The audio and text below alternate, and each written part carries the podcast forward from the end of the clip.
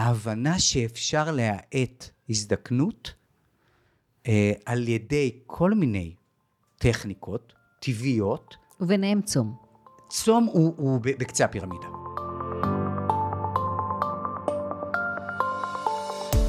שלום, הגעתם לפודקאסט דרך הבטן להקל את החיים.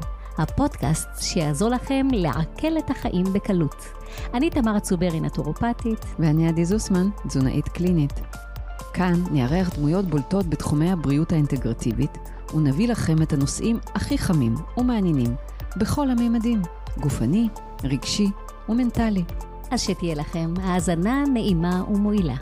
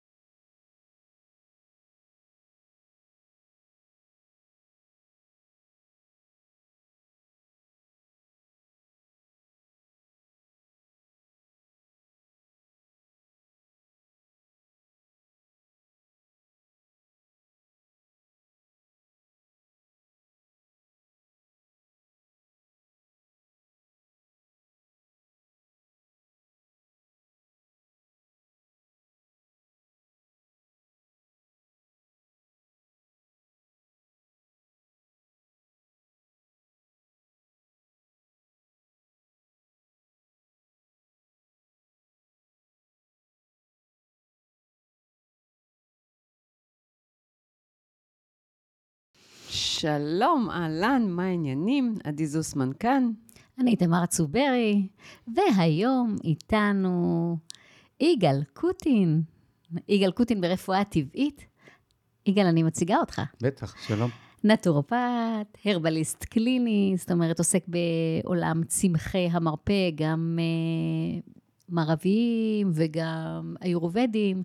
אתה גם מטפל איורובדי וגם מרצה בתחום ומלמד את התחום במכללות המובילות בארץ. אה, גם, אה, וגם עוסק בדיקור סיני וכולי. זאת אומרת, אנחנו מדברים פה על אנציקלופדיה שלמה של אדם שמחזיק אה, ידע אדיר בנושא, בנושאים רבים של ריפוי טבעי. כן? תודה. ממש כבוד להיות פה איתכם. היום אנחנו הולכים לדבר על צום. נכון. מתוך שלל הנושאים שיש לך, בחרנו את הנושא של הצום. אתה יודע, לי יש סיפור אה, אישי עם, עם צום. אה, אני הרי, למה אני בתחום? כי הייתי חולה. השתחררתי מהצבא, מה זה חולה? שבר כלי. אה, איכשהו המזל שלי עבד ככה שההורים הפרופסורים שלי אומנם דרשו ממני ללכת לאוניברסיטה, אבל הביאו אותי לטיפול אצל נטורופט. והוא נתן לי צום, צום מיצים. מדהים. מתי זה היה? זה היה, אה, זה היה מזמן. 87, וואו. משהו כזה, 1987, כן.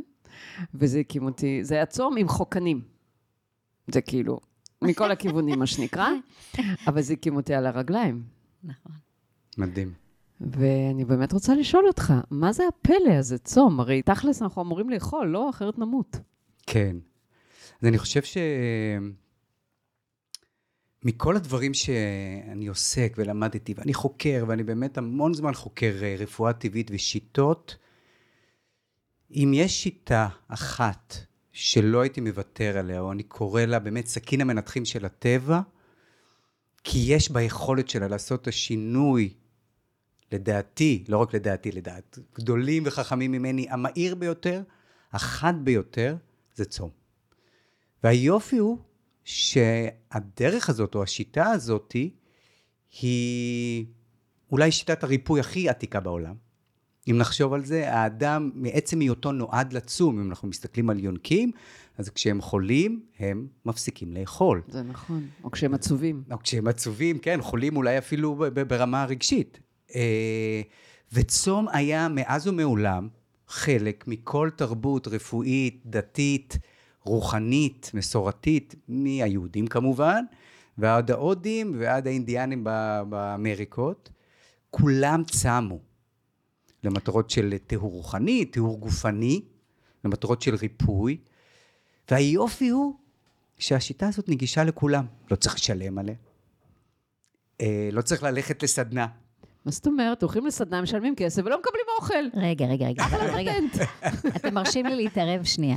אבל אנחנו מדברים על צום, וכמו שאני יודעת, זה אפילו לא שיטה אחת, יש כמה סוגי צומות בכלל שאנחנו מדברים עליהם, נכון? נכון, אז, אז צום בהגדרה שלו, אולי אם יש הגדרה רפואית, אה, ואני אגיד, לא הגדרה רפואית, אלא הגדרה ביולוגית, זה אה, האפקטים שקורים בגוף אחרי בין 48 ל-72 שעות ללא קלוריות בכלל. מים בלבד, או נוזלים בלבד, דלי קלוריות או ללא קלוריות. יותר לא נכון? דלי קלוריות. כן, ללא קלוריות. אולי חליטות צמחים נכון, גד. נכון, נכון.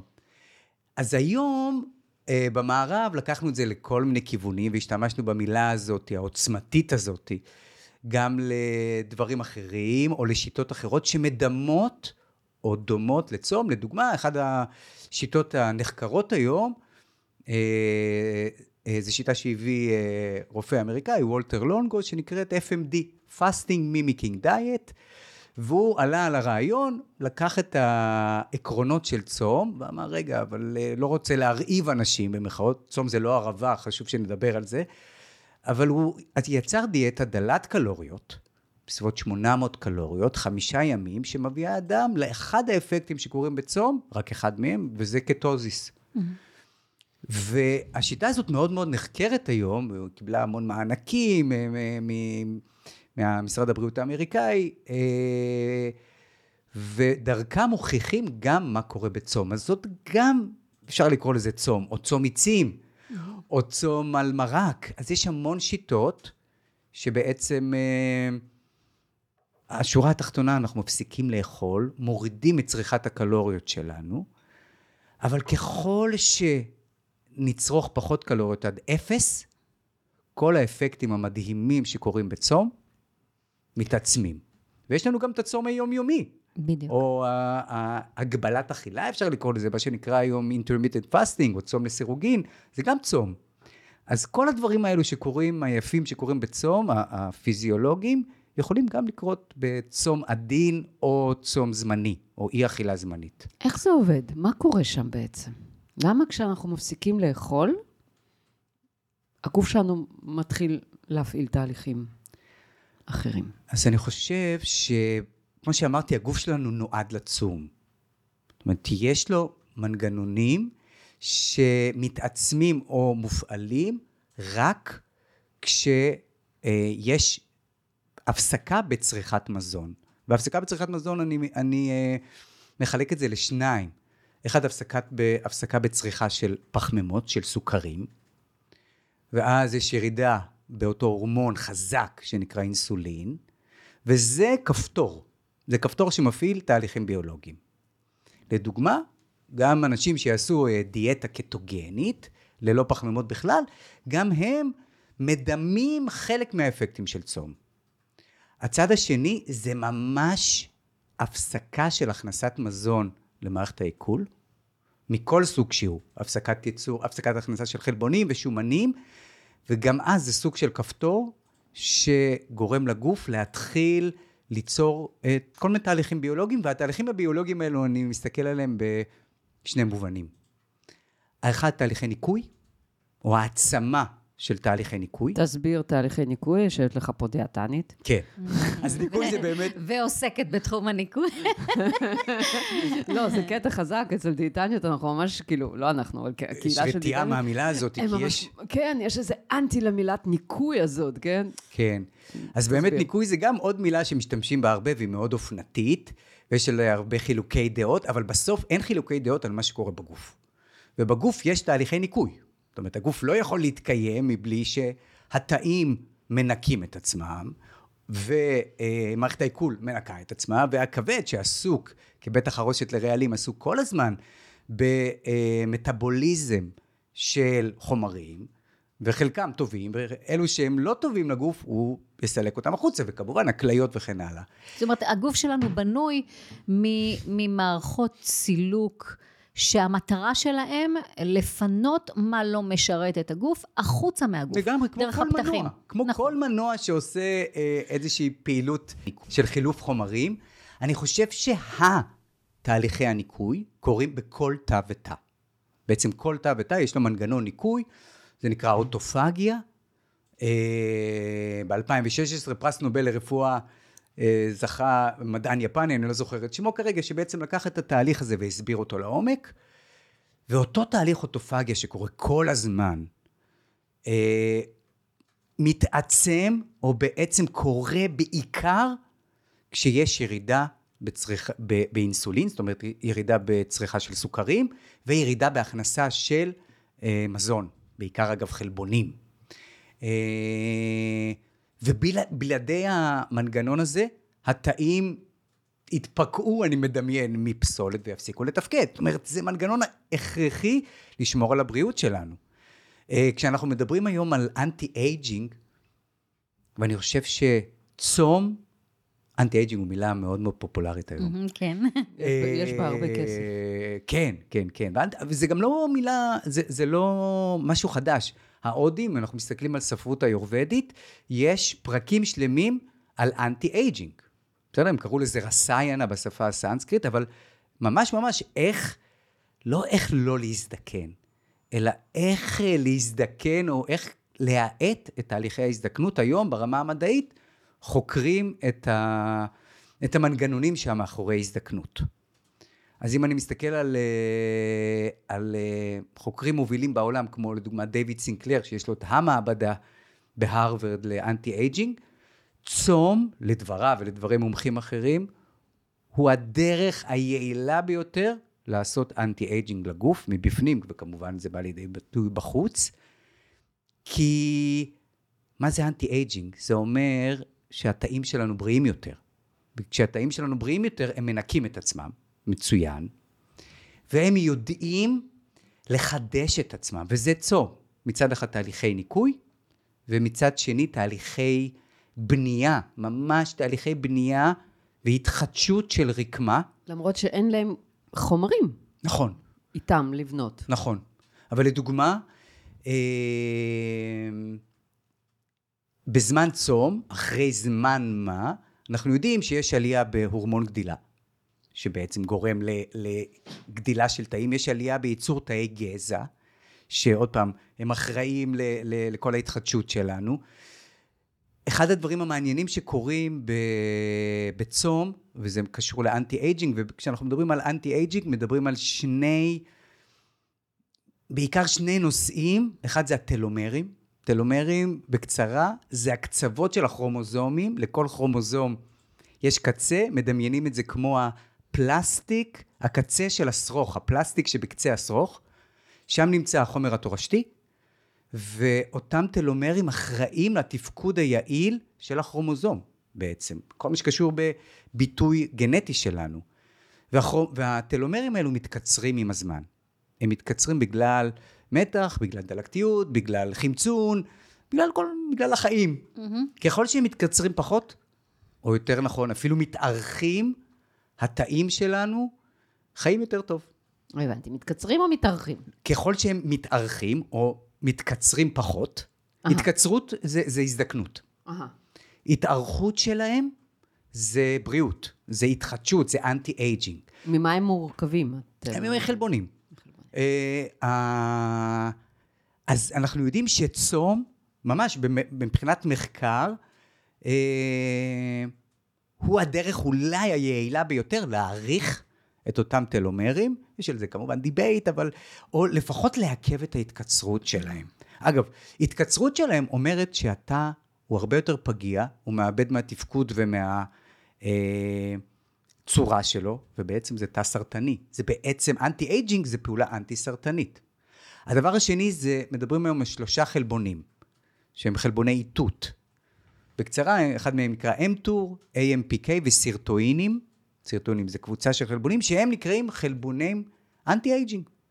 פשוט כך שהם הם, נמצאים בכל תא? הם, הם נמצאים כמעט בכל רקמה ורקמה. הם היום מושא למחקר מאוד מאוד מאוד אה, חזק ו- ו- ואדיר, כי כשמצליחים, המדען מצליח to manipulate את אותם חלבונים, אנחנו רואים שלדוגמה, יש היום אה, ממש מחקרים שעכברים מפסיקים את ההזדקנות שלהם. עד כדי כך. זאת אומרת, היום אה, כל אחד, כל מדען והרצון שלו להשיג באותו מחקר, אבל ההבנה שאפשר להאט הזדקנות אה, על ידי כל מיני טכניקות טבעיות, וביניהם צום. צום הוא, הוא בקצה הפירמידה. וואו. אה, לדוגמה, אה, גם אה, נשימה, עצירות נשימה יהיו כאלו. אה, סאונה, אה, טבילה במים אה, קרים, תהיה... אה, זה בעצם לקחת את הגוף לקצוות. נכון, נכון. כל פעם. אה, אה, בעצם אנחנו מדברים פה על תהליך של לגרות באופן יזום את המערכת הסימפתטית שלנו, לייצר סוג של סטרס, אבל מבוקר, נכון. מה שמפעיל את תהליכי ההבראה בעצם בגוף. ממש, אמרת את זה ככה, יש לזה מילה, זה נקרא הורמזיס. בדיוק. נכון. והמילה מילה הזאת... נורא יפה, זה נשמע כמו איזה... נכון. גיבור, גיבור מהמיתולוגיה. יווני כזה, כן, הורמזיס. אה, והיופי במילה הזאת, זה שבעצם מתח זה דבר טוב. מבוקר, מתח מבוקר. כי מתח יתר הורג אותנו. בדיוק. אבל אנחנו יודעים היום שסטרס ומתח, כולם יודעים להגיד שזה דבר לא טוב. ואחד הדברים שאנחנו כחברה מערבית בעידן המודרני סובלים זה מיושבנות יתר, או מכבדות, מלייזינס, אנחנו לא עושים כלום, רוב היום. אנחנו גם חברה נורא נוחה. בדיוק. אנחנו כל הזמן רוצים את הנוחות הזאת, שנהיה שבעים, ש- ש- שלא נזוז, שלא זה. והנוחות והשפע הם גם מזקינים אותנו בסופו של דבר, כי אם אנחנו מדברים על משהו אחד שגורם לתאים שלנו להיות צעירים יותר, זה הורמזיס. וזה בדיוק מה שאמרת, מתח מבוקר, שאנחנו באים אליו בכוונה, בהרפייה. זאת אומרת, התודעה שלנו לא במתח, לא בלחץ, ויש לו התחלה ו- וסוף, וההפעלה הזאת של מערכת סימפתטית של המתח גורמת לכל התהליכים בגוף לקפוץ ברמה, בכמה רמות. בין אם זה תהליכים מטאבוליים, ניקוי, כמו שאמרנו, תהליכים של יצירת תאים במוח. יצירת תאים במוח, יש חומר שנקרא BDNF, שהוא בעצם יוצר נוירונים, מתקן נוירונים, והפעילות שלו מתגברת או בעצם מתרחשת בעיקר כשאנחנו צמים. אוקיי. יש, יש, יש, יש עוד תועלות לצום, מעבר להאטת תהליכי הזדקנות, שזה מאוד מאוד חשוב. בעצם אנחנו אומרים, האטת תהליכי הזדקנות, מתחת יושב גם כל הנושא של הבראה פרופר. כן. נגיד ממצבים מאתגרים, כמו מחלות דלקתיות, מחלות מטבוליות, כל, ה, כל הכאוס שקורה בגוף, כן? כולל מחלות עצביות וכולל מצבים, אה, מצבים רגשיים לא מאוזנים, כן? כן. תן לנו משהו שכאילו, עוד תועלת אחת ככה, שנוכל לדון עליה של הצום. אז אני חושב שבאמת אה, יש היום המון מחקר על השיטה הכל כך עתיקה הזאת. לא המצאנו שום דבר, ההודים צמים כבר אלפי שנים. אה, ולא רק הם. אנחנו פשוט יודעים להסביר היום מה קורה בגוף. אז אם אנחנו הולכים לכל העניין של בעיות מטאבוליות, המחלה, so, המחלה של העולם המערבי. כן, number one kill. נגיד, נגיד ניתן דוגמה מה זה מחלות מטאבוליות. אה, סכרת לדוגמה, mm-hmm. אה, מחלות לב, mm-hmm. אוטם, אה, טרש, טרשת כמובן, שומנים, כבד שומני, נכון. שזה היום ה number one killer מבחינת המחלות. לדעתי, צום הוא הדרך היעילה ביותר אה, לרפא את המחלות האלו, על אחת כמה וכמה סכרת. אולי ב top, שסכרת לדעתי, או סכרת וסוכר הם המזיקים אולי הכי גדולים היום ב, ב, בעידן הזה לגוף. כן, כי אנחנו יודעים שבעצם החלבונים עוברים אה, גליקוליזציה, מה שנקרא, ואז, והם הם אלה ששוקעים. נכון. על uh, כלי דם. נכון.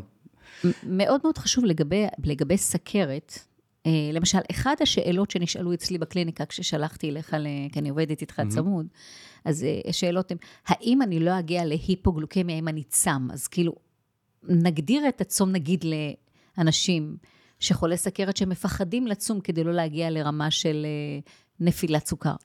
אז חשוב לומר, כשאני אומר סכרת, זה סכרת טייפ 2, סכרת מטבולית נרכשת ולא סכרת נעורים. שהיא אוטואימונית ותלוית אינסולין. אני עובד גם עם אנשים עם סכרת type 1, אבל זה דורש...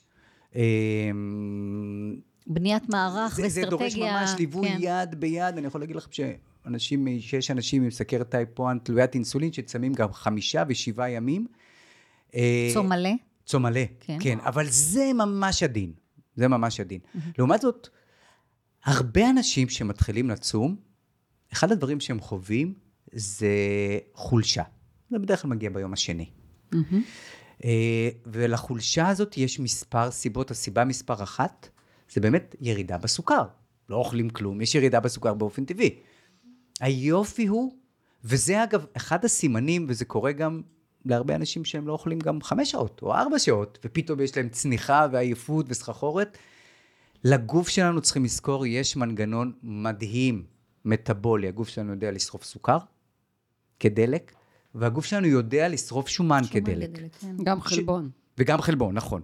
שומן הוא דלק מאוד מאוד מאוד יעיל, כי הוא נותן הרבה יותר אנרגיה פר גרם, לדוגמה, והוא, והוא אה, פחות מזהם. שריפת סוכרים, סוכר זה דלק מאוד מזהם, אם אפשר לומר. תסביר מה זה מזהם. מזהם זה אומר כמות הפסולת, הרדיקלים, החופשיים, אה, ש...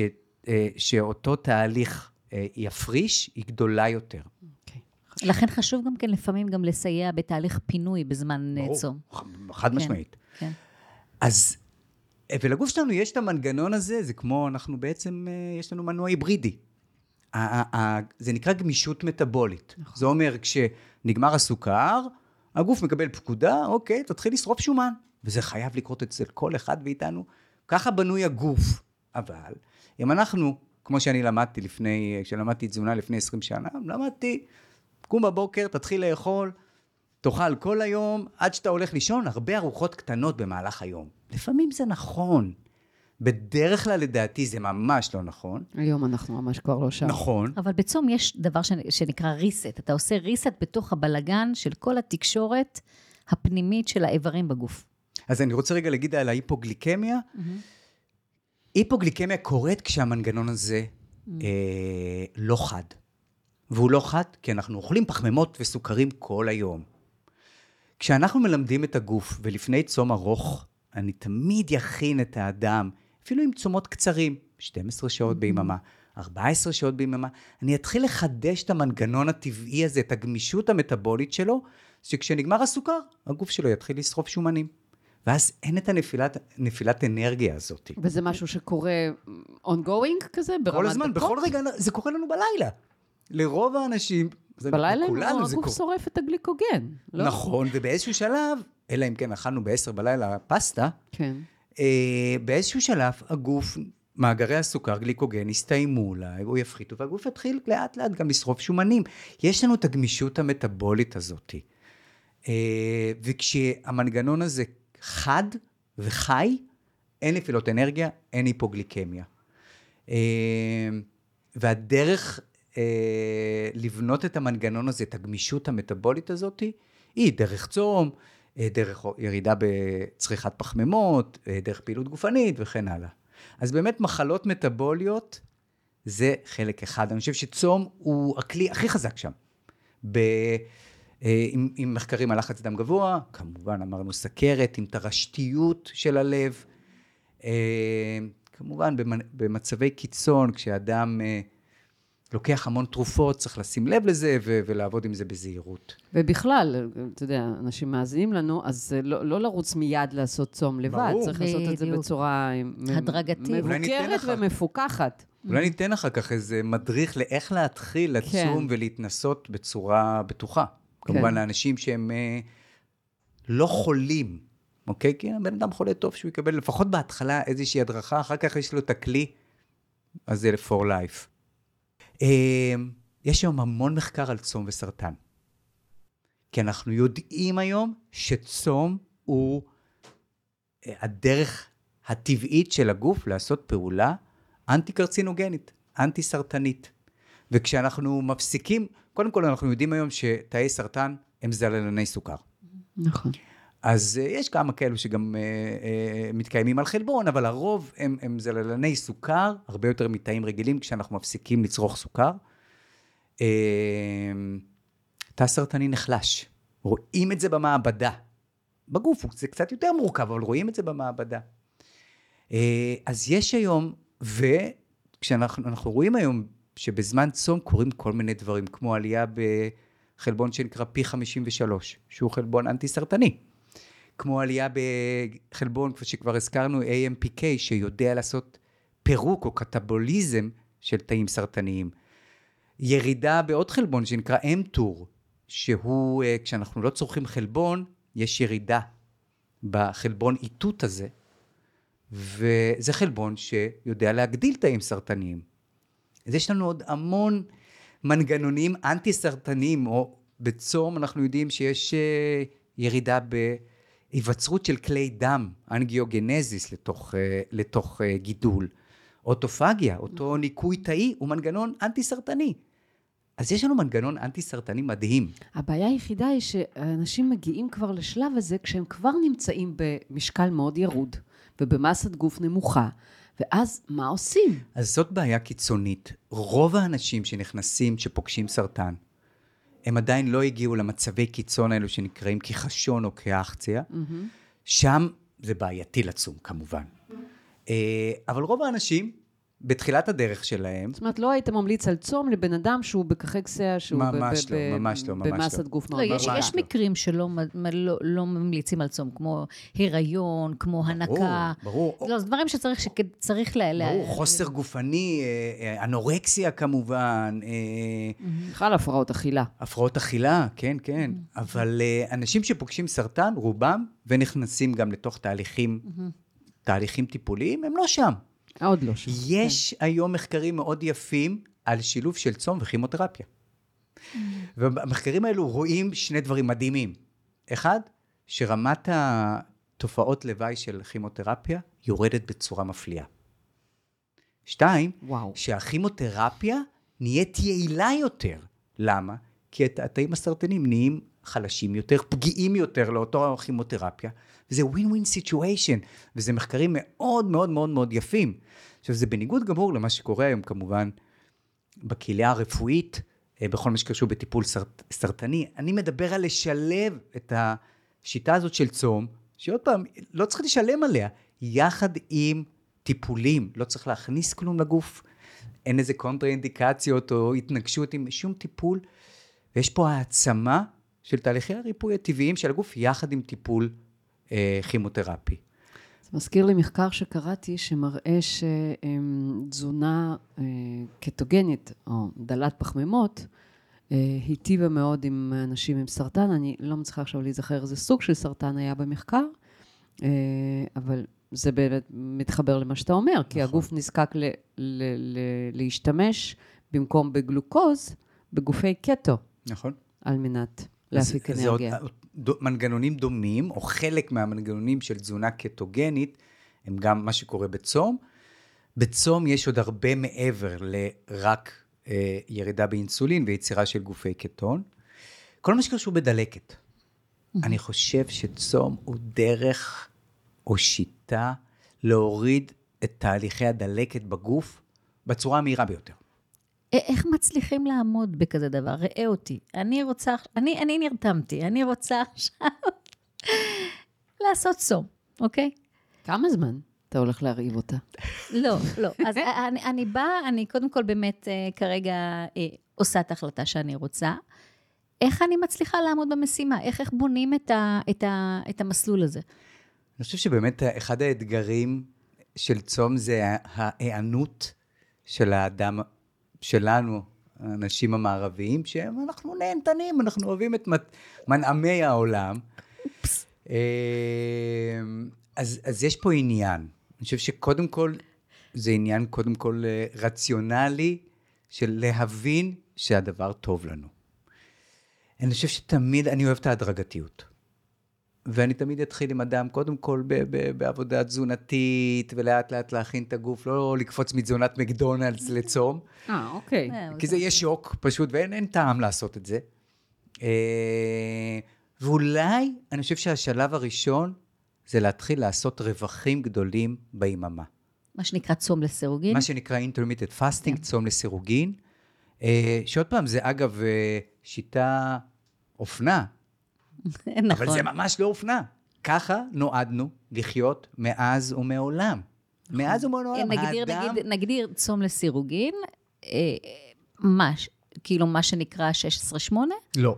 אלא, כי, כי אה, בעצם כל הרעיון של המושג 16-8 יצא ממעבדה בסטנפורד של דוקטור סצ'ין פנדה.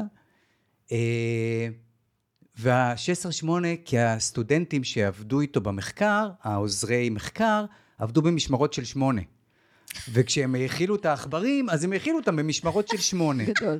אז, וזה ממש, זה לא אגדה. גדול. אין לזה שום אה, הסבר מדעי, ביולוגי, העניין הזה של 16-8. אצל אדם אחד זה יכול להיות 13, אצל האדם השני 14. זה כן הפסקה... 14 שעות צום. כן. זאת אומרת, זה כן- עדיין צריך להיות יותר שעות צום ביממה מאשר נכון. שעות אכילה. נכון, זה לא לרוב, לרובנו. 12-12? אני, אני לפעמים אתחיל מ-12-12, אוקיי. ממש. ו- ולפעמים לאדם מסוים זה יהיה ממש מספיק. אה, בעצם מה שאנחנו רוצים לגרום זה הפסקה של צריכת מזון למספר רב של שעות ביממה, ואז מה שאמרנו, רמות הסוכר יורדות, רמות האינסולין יורדות, ומתחילים כל התהליכים המדהימים האלו, אוטופגיה וניקוי ותיקון. ככל שעושים את זה יותר שעות ביממה, התהליכים האלו מתעצמים. אבל זה- 16 לא, לא יתאים לכל אחד, אז לפעמים אני אתחיל ב-12 ולאט נגיד, לאט נגיד אם אני בהדרגה מתחילה נעלה. 12-12, מה, ב-12 שעות שמותר לי לאכול, אני יכולה לאכול כל מה שאני רוצה? אז זאת שאלה טובה. הרעיון הוא גם ב-12 שעות לאכול טוב.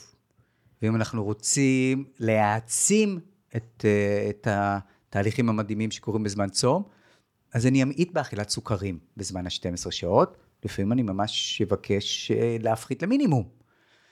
אבל, אה, ואגב, חשוב לי לומר, אנחנו מדברים על צום. צום לא אומר לא לאכול.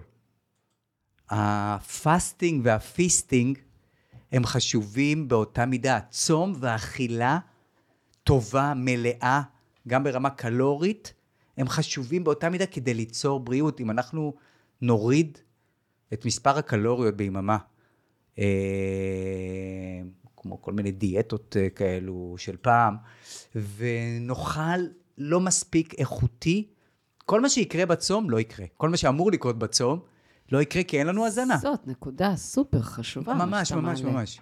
אז תסביר תזונה טובה אה, בתפיסה שלך. ירקות, פירות, לא? אמ, קודם כל לא מעובדת. כן, אני חושב שאולי אולי הדבר הראשון זו תזונה הכי קרובה לטבע, או כמה שפחות מעובדת. אה, דבר שני, אני אגיד, אה, כמה שיותר ירקות ופירות, אה, ומזון מבוסס מן הצומח. אני נזהר לא להגיד טבעוני או צמחוני. אני טבעוני, לא יודע, 24 שנים, אני לא מטיף לטבעונות. אני אקרא לזה מזון מבוסס מן הצומח כמה שיותר. אבל אז אנחנו נאלצים לאכול יותר סוכרים, כי אז נאכל יותר דגנים, פחות חלבון. אז זהו, והדבר השלישי שלפעמים מתנגש, אבל לא בהכרח, זה כמה שפחות סוכרים. אה, אז אני לא. חייב, אני לא חייב לאכול... כולל דגנים. כן, כאילו. אני לא חייב לאכול כל היום אה, פסטה ואורז, אה, ויש אנשים שיהיה להם טוב גם לאכול מזון מן החי, ויש אנשים שלא יהיה להם טוב לאכול פירות, אבל אם אני צריך בכל זאת לשים את זה, אז הרבה מזון מן הצומח, אה, ומצד שני, כמה שפחות סוכרים ופחמימות. ולהתבסס, כן, על מקורות חלבון טובים, גם מן הצומח, מי שאוכל מן החי, גם מן החי. אז דגנים מלאים, קטניות, כאלה דברים, אגוזים. קטניות, אגוזים, כן. קטניות, אנחנו- אגוזים, לאו דווקא דגנים מלאים. Mm. אני חושב שאפשר להשיג חלבון מדהים ומלא, בלי לאכול דגנים מלאים. אני כטבעוני אוכל מעט מאוד דגנים ביום-יום. כמעט, לפעמים כמעט אפס. ויש לי מספיק חלבון, אני, אני גם יודע איך לשחק עם זה, כמובן. אה, מה, מה הגישה שלך גם בתוך התוכנית, למשל, של האכילה, הדגשה על כמות שתייה? כי שתייה, יש הרבה אנשים שאותו מנגנון של אה, צמא יושב להם על מנגנון של רעב, שהרבה פעמים כשהם לא שותים מספיק, אז הגוף מסמן את זה כ- כמו רעב. כן. ואז נוצר מצב שאנחנו רצים לאוכל ולא לשתייה, והגוף נמצא ברמת יובש. כן, אני חושב שגם אתן במרפאה שלכן, וגם אני פוגש את אותם אנשים שאומרים, אני לא אוהב מים, לא טעים לי מים. אה, לא יודע, לא אוהב לשתות. והם אה, שותים כוס, שניים, שותים אה, קפה במהלך היום ואלו הנוזלים שלהם, והגוף, הגוף שלנו המדהים יודע לעשות אדפטציה לכל נזק שאנחנו ננסה לגרום, אבל עם השנים יש פה שחיקה, וכמובן מים זה בסיס מאוד מאוד משמעותי לפעילות של כל תא ותא בגוף. אנחנו מערכת אה, שמשומנת על ידי מים. אה, יש אגב, אם אנחנו מסתכלים על מים, יש אפילו צום, הקיצוניים שצמים, צמים צום יבש. וזה אולי הצום הקיצוני ביותר. שזה כמה זמן אפשר להחזיק? אני עשיתי חמישה ימים. אה, לא הפכת לציוק. בלי אכילה ובלי שתייה. בלי אכילה ובלי שתייה. כמובן, במנוחה מוחלטת. זה לא, זה חייב. מנוחה ומישהו ש- מוחלטת. מישהו שמחזיק לך שם, אתה... אה, זאת אומרת, אה, אני חושב ש... אני- בוחן אותך ועוקב אחריך. ב- ב- ברמה מסוימת, כן, אני, אני, אני מנוסה מאוד, אז אני זה- יודע לעקוב אחרי עצמי, כי אבל זה מיטיבי כן, לכת. זה קיצוני. וזה מחייב תנאים, אה, בעיקר תנאים אה, רגשיים, נפשיים, עטופים מאוד. אבל אני, אני, אני לא עובד עם אנשים עם צום כזה. אה, זה אני עשיתי למה? עם עצמי. כאילו, זה עושה יותר חזק, יותר מהר? יותר גבוה, יותר מהר? לא בהכרח. אה, יש אנשים שיגידו שכן. לי זה היה יותר מסע רוחני. זה, זה גם דבר, זה גם נושא שהייתי רוצה שנדבר עליו. באמת, אני, אני נתקלתי בצומות ממאסטרים שאני עובדת איתם, ובאמת אה, יש אה, היום אה, עדויות מהעבר, שמאסטרים גדולים שרצו לחוות נכון. הערה, אז הם צמו. נכון. אנחנו יודעים את זה, להסביר את זה היום גם ברמה פיזיולוגית, כשאנחנו צמים, אגב, גם צום אה, אה, קצרים, כמו צום לסירוגין, ובטח גם צומות ארוכים, אה, כל חילוף החומרים במוח משתנה, כמובן תאי המוח מתחילים לשרוף או לעבוד על קטונים, אה, ויש הפרשה גם של אדרנלין, גם של קורטיזול, וגם הפרשה מוגברת של דופמין וסרוטונין. כל זה יוצר היי. מי שצם אה, צומות ארוכים יודע שאיפשהו ביום השלישי, רביעי, אני ותמי שהיינו יחד בצומות, ראינו את זה על המון אנשים, ואני רואה את זה על האנשים שאני עושה איתם סדנאות, אני יודע לזהות את הנקודה הזאתי, פתאום, אני קורא לזה, פתאום נמרח חיוך על הפנים, לא אצל כולם, 90 אחוז מהאנשים. גם יש אוורור של ה mind, פתאום הכל ב clarity, הכל רואים יותר טוב, מריחים יותר טוב, החושים... נכון, החושים נפתחים, וזו תחושה אנרגטית, mm-hmm. אפילו רוחנית, אני, אני אגיד, שהיא מדהימה, ואפילו ממכרת, ממש. רגע, זה עם מים. זה עם מים, כן. גם בלי מים, אבל בואו, אנחנו מדברים עכשיו על צום... למה לייבש אנשים? על צום עם מים. לא, לא, זה אמרתי את זה רק כאנקדוטה, כשיש גם את, גם את השיטה הזאת. זה מה שנקרא פרנה? זה מה שנקרא פרנה? זה מה שנקרא צום פרני, כן, כן. צום יבש. אה, אז צום הוא בהחלט אה, גם דרך רוחנית, המון אנשים במהלך ההיסטוריה, מ... אה, ככה שמעתי, משה, רומי, אה, מעולם היוגה יש מאסטר מאוד גדול שנקרא שיבננדה, אבל לא רק הוא, מאסטרים יוגים אחרים היו צמים צומות ארוכים כדי להתעלות ברמת הבהירות, ברמה הרוחנית, ברמה האנרגטית. כל האנרגיה שלנו, נקרא לזה פרנה, צ'י, מופנית למעלה, אל המוח שלנו. אני יודע שכשאני צריך לכתוב ולהתרכז, אם אני אכתוב, אה, אעשה מצגת או אכתוב אה, מאמר, אה, אני אשתדל לעשות את זה בשעות שבהן אני לא אוכל, לא אחרי ארוחה, וכל אחד יכול להבין מה, איך הוא מרגיש אחרי, אחרי בשעתיים שלוש אחרי שהוא אוכל ארוחה, ואיך הוא מרגיש בבוקר בדרך כלל, כשהכול בהיר. ואם רק אה, אני חוזר על זה, על ההדרגתיות, אז אפשר, אנשים יכולים להתחיל להעריך את ההדרגתיות של צום. מ-12, מ-13, מ-14, לבדוק את הנוחות שלהם, לעשות את זה הדרגתי, אה, להקדים את ארוחת הערב. לאחר כן, את ארוחת הבוקר. גם, זה גם תהליך שאנחנו עוברים פה, כאילו סוג מסוים של no attachment, לא לאחזות באוכל. אה, מדהים, בדעה נכון. שלנו על, אנחנו זקוקים להישרדות. אה, אני עוד לא הגעתי לזה, אבל אני רק אומרת ש... שבגדול, אה, כן, זה, זה, זה ממש משא ומתן. כן, עם... זה לפגוש את עצמנו באחד המצבים הכי פגיעים, mm-hmm. הכי מפחידים לרוב האנשים, הפחד מרעב. זה נורא מעורר פחד, נכון? נכון? נכון. הצום. היופי הוא שהרעב נעלם, מי שצם כמה ימים, הרעב נעלם אחרי יום. חד משמעית. בסדר? אה, זה עניין הורמונלי. בסדר? אינסולין יורד, אה, רמות הלפטין עולות בדרך כלל, זאת אומרת, הרעב נסגר. מה שנשאר זה ריק בבטן. והריק הזה הוא מאוד מפחיד אותנו. כן, נראה לי בטח את היהודים. כן. אה, וזו התמודדות מאוד משמעותית עם השדים שלנו. אה, אני אקח את זה אפילו עד אה, התמודדות עם, אה, עם תרבות הצריכה, צרכנות, תרבות השפע, כמה אנחנו צורכים. אתה יודע, אבל, אבל אני חייבת פה ככה להתפרץ, סליחה.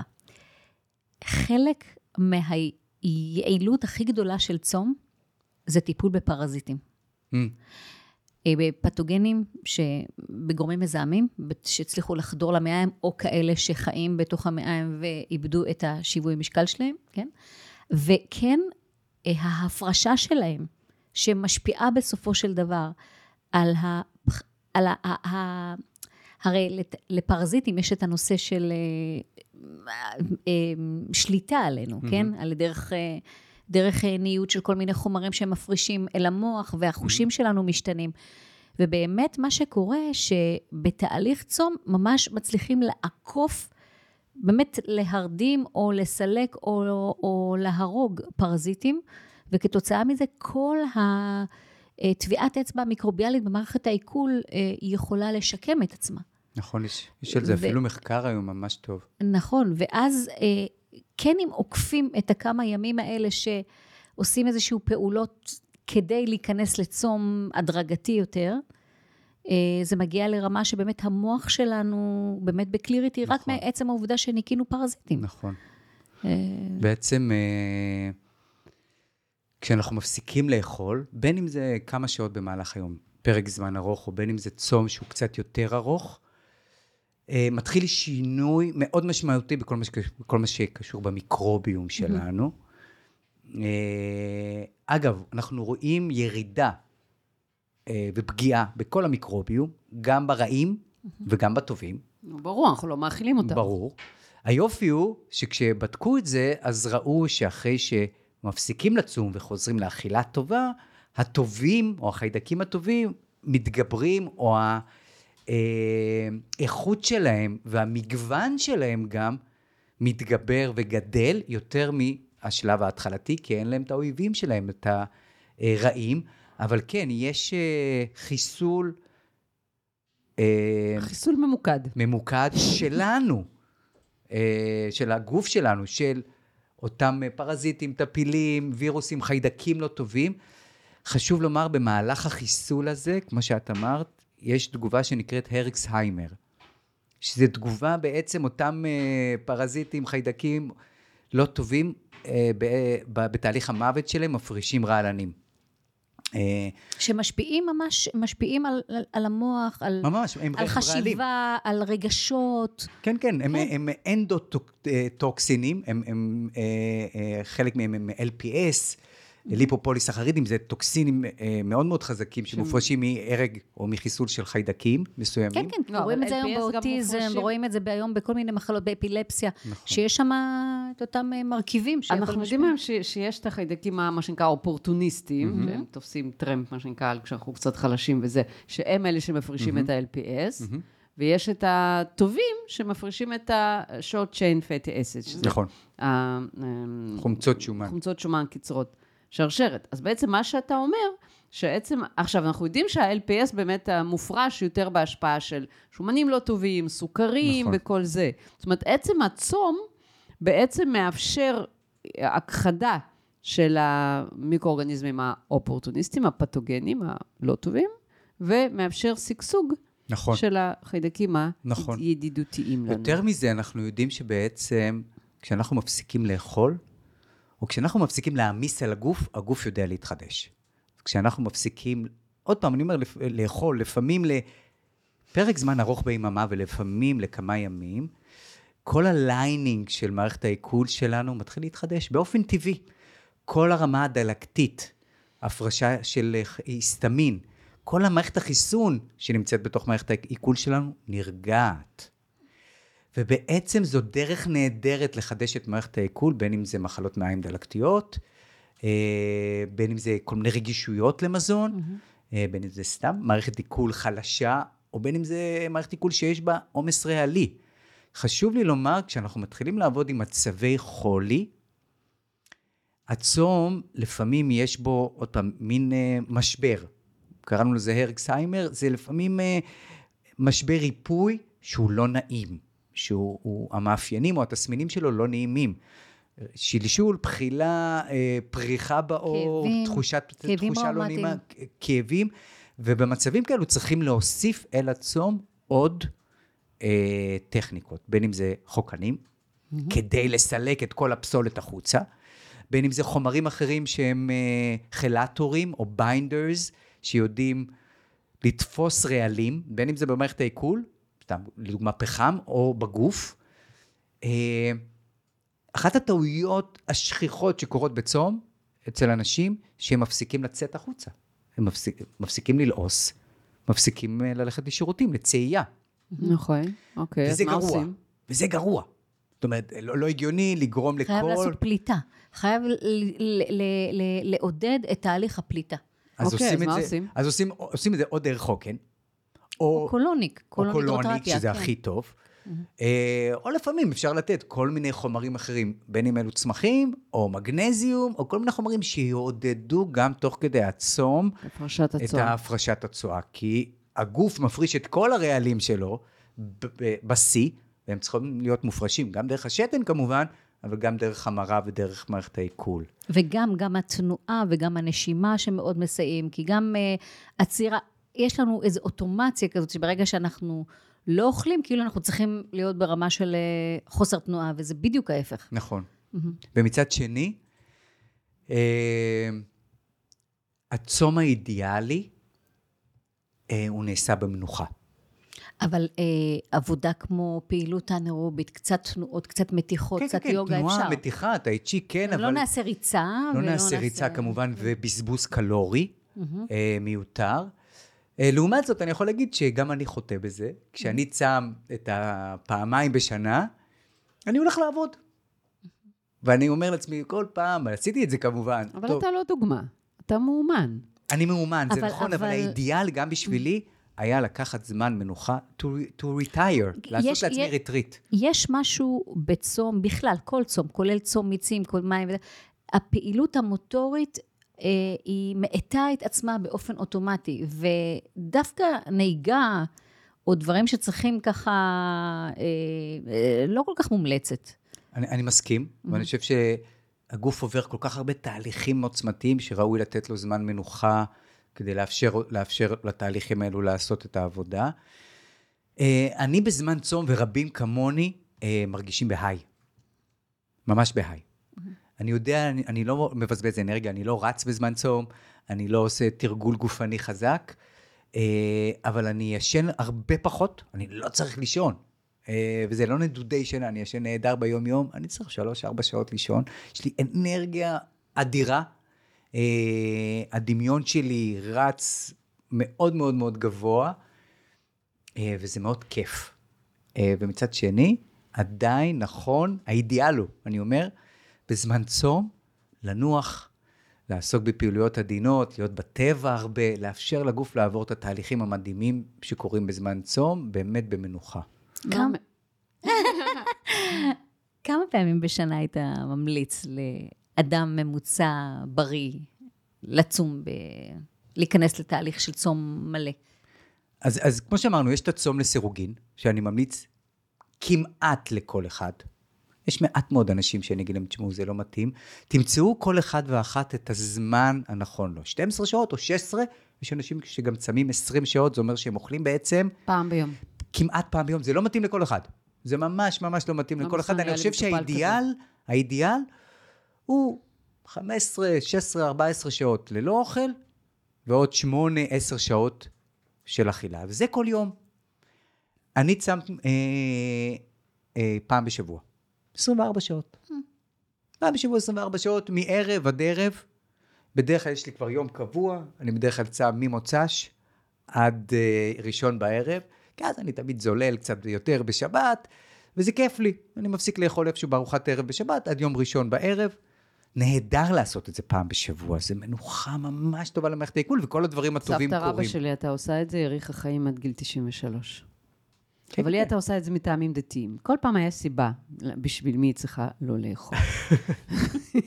לא אכפת לי, אני עכשיו מתחילה לאסוף את כל הסיבות. אבל את לא יודעת לדבר יידיש.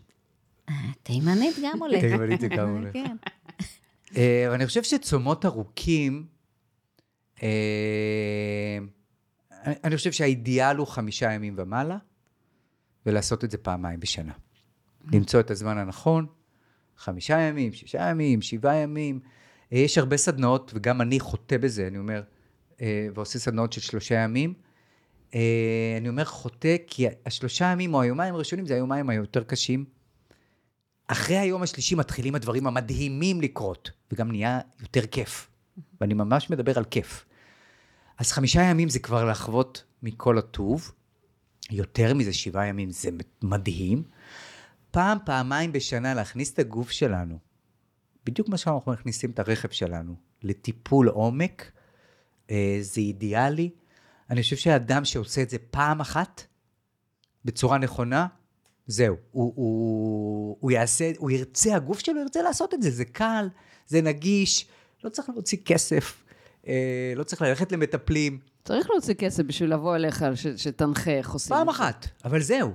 לא צריך ללכת לעבור כל שבוע. רוב המטופלים שלו, לא משנה מה הוא מלמד, הם רתומים לאורך כל חייהם, וזה אני יכולה להגיד, כי אני אה, רואה אותם. טוב, נו, אני באה. אנחנו, בסדר, אנחנו בסדר. מדברים על הצום, אנחנו מדברים על ההכנה לצום, אבל גם היציאה מצום. נכון. איך יוצאים מצום? זו וואו, באמת שאלה זה- חשובה. תודה שהעליתם את זה. אני יכול לספר לכם שבפעם הראשונה שצמתי, זה היה איפשהו, הייתי בן 23, הייתי בהודו, פגשתי שוויצרי שהיה מומחה לצומות, והוא שכנע אותי. סבלתי 24 שעות, ואחרי 24 שעות יצאתי לרחוב ההודי, ואכלתי מכל הבא ליד, שנקרא לדרך שלי. ואני יודע היום שעשיתי כל מיני טעויות שם, אבל היציאה מהצום היא חשובה כמו הצום עצמו. אה, ואנחנו מדברים על צומות קצת יותר ארוכים, כי אפשר לדמיין שמערכת, הגוף ומערכת העיכול בעיקר, הן אה, מאוד מאוד עדינות ורגישות. כמה ימים לא הכנסנו כלום, הכל מתחיל להתחדש. אנחנו רוצים לצאת, לצאת מצום ממש בהדרגה, בעדינות, ברכות, לאכול אולי פירות עדינים ורקים. אה, אולי ירקות מבושלים, עדינים כאלו, ממש בלי טיבול ובלי יותר מדי שמן. יש איזושהי משוואה כזאת שהיא לא מדעית, היציאה מהצום היא חצי מימי הצום. אם צמנו חמישה ימים, היציאה מהצום היא לפחות יומיים, שבהם לאט לאט בהדרגה אנחנו מכניסים את המזונות. זה זמן נהדר אגב, לבחון איך המזונות משפיעים עלינו. לא אכלנו כמה ימים טחינה, ואכלנו טחינה, בואו נראה איך טחינה משפיעה עלינו. אמ, והגוף יגיד לנו בדרך כלל בצורה מאוד ברורה, מתאים, לא מתאים, אם רק נכון, נקשיב לו. נכון, זה בדיוק פותח את היכולת של הגוף לדבר אלינו. הרי תמיד אני אומרת למטופלים, לא באתם עם ואוצ'ר אליי. אתם באתם עם מערכת סנסורית שיודעת. העיניים לזהות מה נכון לכם, הטעם, הריח, יש לכם את המערכת הזאת, צום מאיר את המערכת הזאת לתהליך זיהוי נכון מה טוב לכם.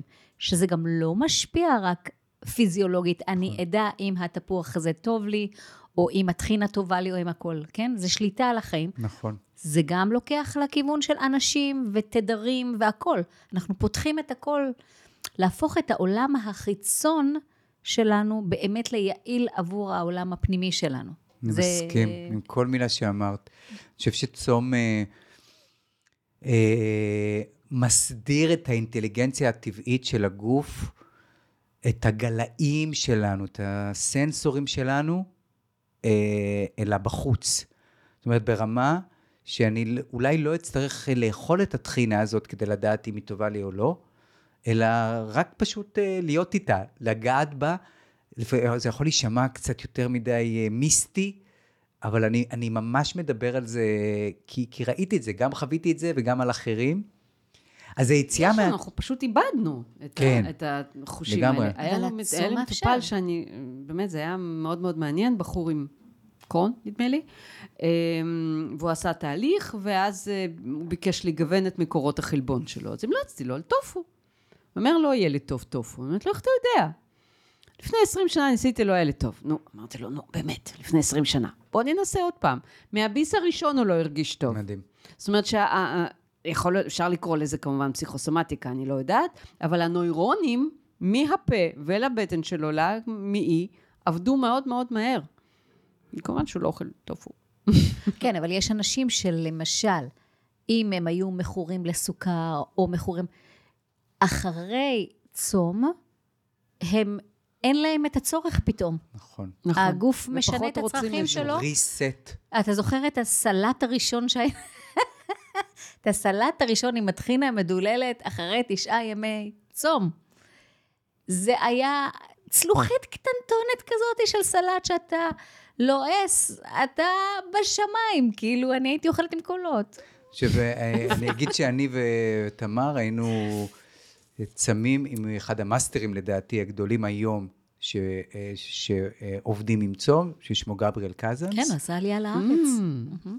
אה, והוא איש מאוד חכם ומאוד מנוסה, והוא היה מדבר על צום ממש ברמה אנרגטית, הרבה מעבר לרמה הפיזיולוגית, וממש מדבר על reset של הגוף, אה, בין אם זה reset של crave, של השתוקקויות, mm-hmm. לכל מיני, ל, ל, בין אם זה סוכר או בין אם זה לרעלים אחרים. הגוף לא צריך יותר את הרעלים האלו, כי, כי כל ה... הכל נפתח. נכון. זה בא לידי ביטוי בפתיחה של חוש הריח, חוש הטעם, חוש המגע, כל החושים שלנו נהיים מאוד מאוד מאוד מעורערים, ואנחנו יודעים עוד פעם לתרגם את זה היום ברמה מדעית למוליכים עצביים, להורמונים, אנחנו יודעים היום להסביר את זה. אז אחת התועלות של הצום היא גם הזדמנות חדשה. ממש. נכון. מה עושים עם אנשים שהם אה, לוקחים תרופות באופן קבוע, עם כל מיני מחלות כרוניות? זאת בעיה. אה, זאת לא בעיה, אבל זה אתגר. אה, חלק מהתרופות באמת צריכים לקחת אותן אחרי אוכל, מכל מיני סיבות, בעיקר רוב הסיבות הן ההשפעה של אה, מרכיבי התרופה על, על הקיבה. ואז יש כל מיני uh, פטנטים, לפעמים uh, לקחת צ'יה, לדוגמה, uh, או יותר נכון, אני אגיד, לקחת משהו שיכול לרפד את הקיבה, שאין לו ערך קלורי, או הערך הקלורי שלו הוא, הוא uh, עדין מאוד, בין אם זה כל מיני uh, צמחים שיש בהם ריר, שיש בהם מוצילג, או מזונות כמו צ'יה, או כמו זירי פשטן, שיש קצת קלוריות, אבל הם יודעים לרפד את הקיבה ולהגן על הקיבה מפני אותם חומרים של התרופה. אה, יש תרופות שזה לא העניין והם ממש צריכים איתם אוכל, ואז אני אנסה יחד בעצה אחת עם הרופא לחשוב אולי לדחות את מתן התרופה. אם אנחנו עושים צום לסירוגין, אז לא לקחת אותה בבוקר, אלא לקחת אותה בזמן אחר במהלך היום. אה, ויש מצבים שבהם אותו אדם, לדוגמה, שלוקח תרופה מסוימת, לא יוכל לצום צום ארוך. אבל אני יכול להגיד שנפגשתי במקרים ספורים, בודדים כאלו, ברוב הפעמים אפשר להכניס משהו לבטן כדי לרפד את המעיים, שאין לו ערך קלורי, בדרך כלל עוד פעם זה צמחי מרפא שיש בהם ריר, אה, ועדיין לקחת את התרופה. אה, כמובן, צום, וזה חשוב לומר, הוא לא, אה, הוא לא תירוץ לא לקחת תרופות. בסדר? הוא עוד כלי מאוד עוצמתי אם מישהו רוצה לעשות אה, בדרך הריפוי. זאת אומרת, איזושהי גמילה מבוקרת. זאת אומרת, צריך לעשות את זה כמובן בהתייעצות עם הרופא. ברור, ברור, והכל. ברור, ברור, ברור. למי בשום פנים ואופן לא תמליץ לצום? הרפואה המסורתית, גם הסינית וגם ההודית, מדברים על טיפוסים. זו שפה אחרת. אה, ויש טיפוסים שנקרא להם שאלמנט, השפה שלהם היא שפת האלמנטים. שיש בהם הרבה אלמנט אוויר. מה זה אומר אוויר? זה אותם טיפוסי חוסר. טיפוסים שהם מאוד רזים, לפעמים סובלים מתת-תזונה, אני, אני הולך לקיצוניות כדי להסביר, אה, ממשקל מאוד נמוך, אה, חולשה, החוסן הגופני שלהם הוא, הוא חלש, לא מתאים להם לצום. לא מתאים להם לצום, אני אנסה לחזק אותם לפני שבכלל, אם ניכנס לצום ארוך, אבל אולי קצת במהלך היממה, מה שאמרנו, צום לסירוגין יתאים מאוד, אבל לא צום ארוך. אמ, אז כל הטיפוסי חוסר, החלשים, המאוד אה, אה, לא מוזנים כראוי, תת-תזונה ממש, לא מתאים לצום, כמובן. הריון, חד משמעית, הריון זה זמן של הזנה. לא צמים בהיריון. גם הנקה, אני מניחה. גם הנקה. אה, אני כן יכול להגיד ש... צום לסירוגין עדין, 12, 13 שעות, 14 שעות, בזמן הריון בהנחה, וזה הכי חשוב, שבזמן האכילה אוכלים מספיק ומגוון ואיכותי וכמותי, מעולה, מעולה.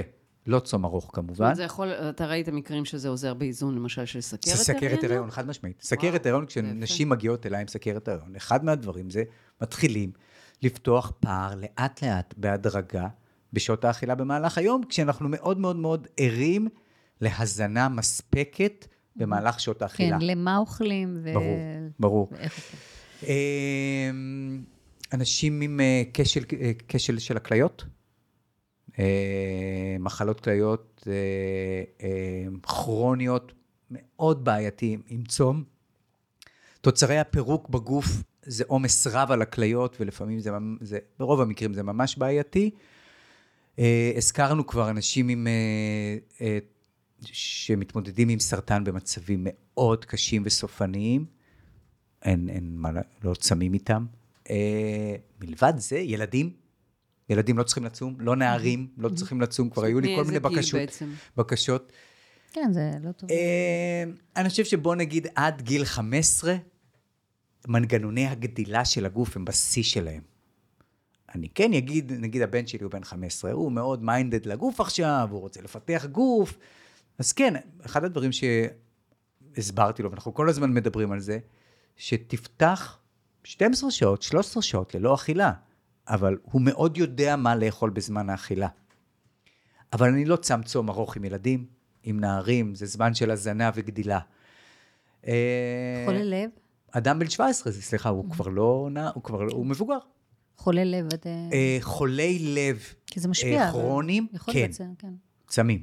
מעולה, כן. מדהים, מדהים, מדהים, עם תוצאות מדהימות, כולל היום מחקר. אדם שיצא עכשיו מאירוע לבבי, אני רגע אתן לו להתאזן קודם כל, זה גם, הוא יוצא עם סל תרופות מכובד, אה, אני אתן לו להתאזן רגע ולהתחזק, אבל מבחינתי צום, בכל מה שקשור בבעיות קרדיו-וסקולריות, מטאבוליות, זה הכלי הכי הכי עוצמתי, עוד פעם, יותר מצמחים, דיקור, תזונה, ואני, זה, אלו הכלים שאני עובד איתם. זה, זה, זה, עוד פעם, זה סכין מנתחים. ועוד פעם, בעיקר באמת ב number 1 killer, שזה באמת מחלות קרדיו-וסקולריות מטאבוליות. בכוונה אני, אני מציינת גם את הנושא של אה, תת פעילות של בלוטת התריס, או hyper, זה אחד הדברים ה... כן. כן, ה- כן, לעשות את ה reset במחלות אוטואימוניות, נכון.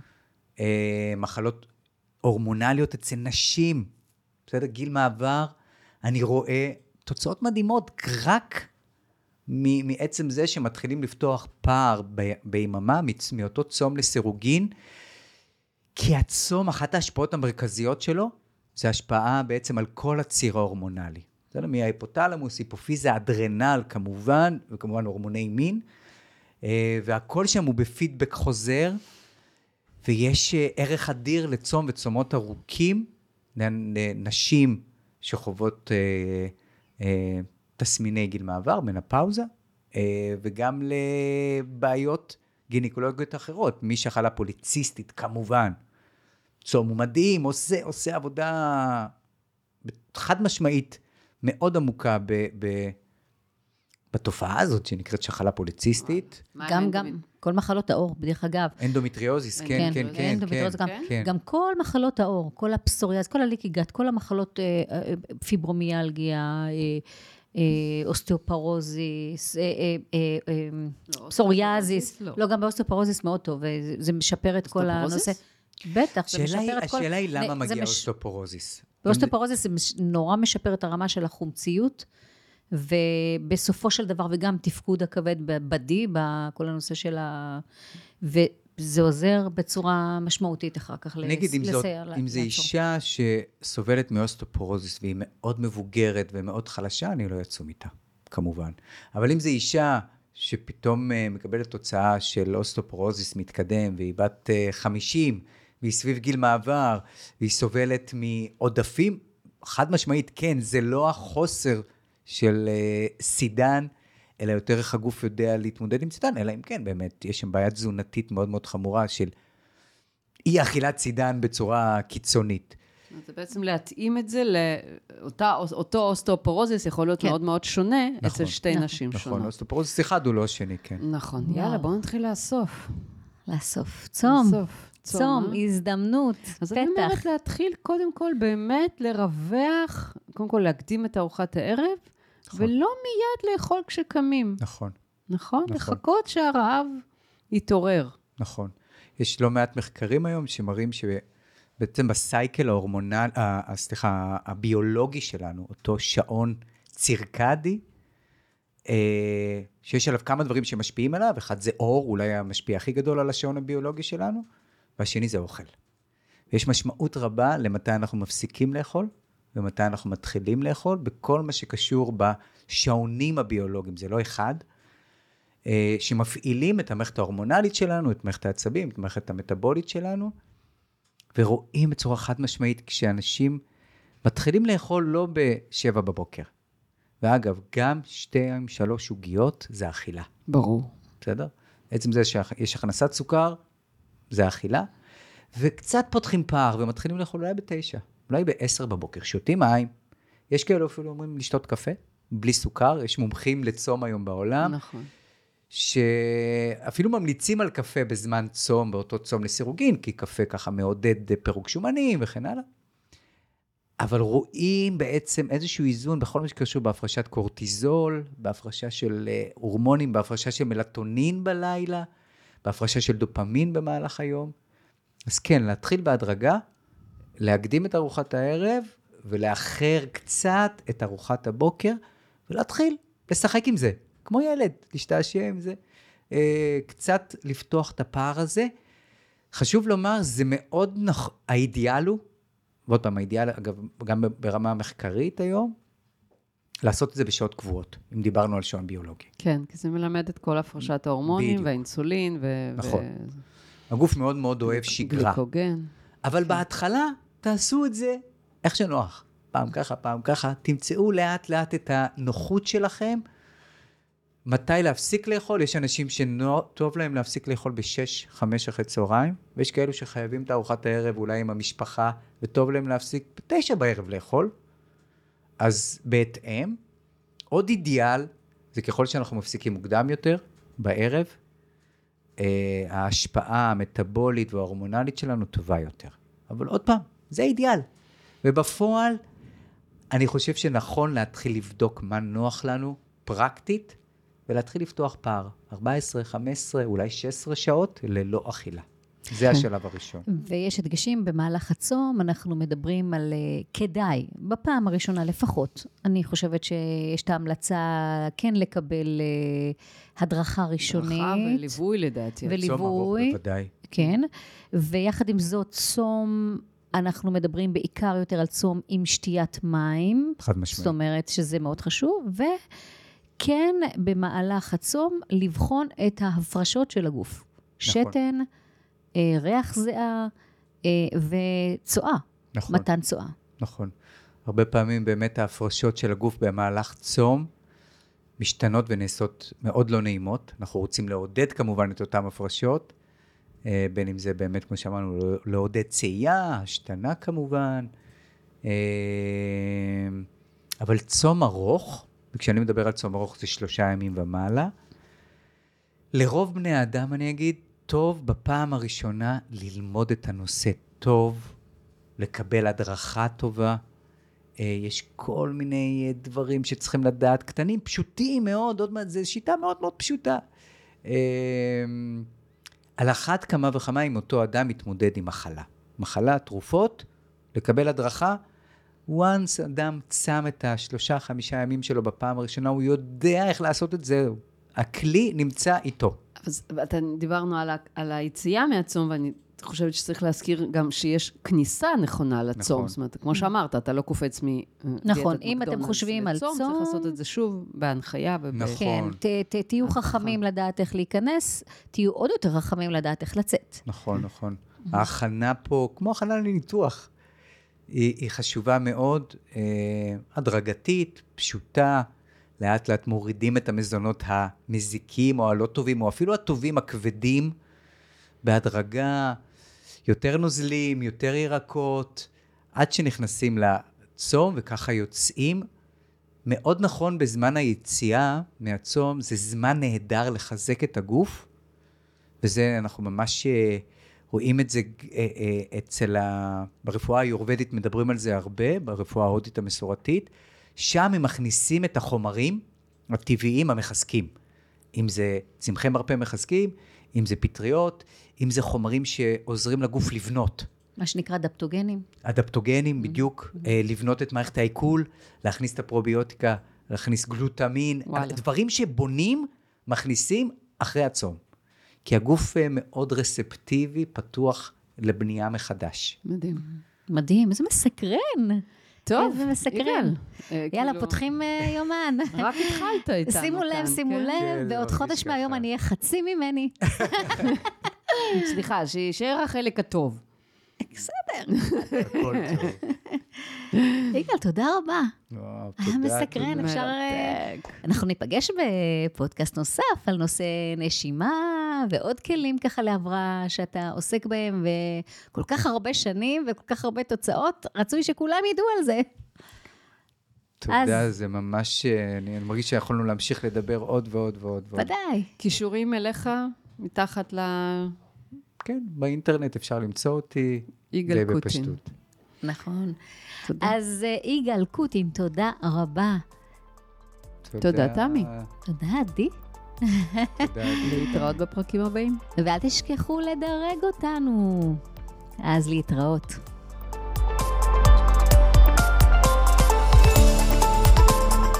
תודה רבה שהאזנתם לפודקאסט דרך הבטן להקל את החיים.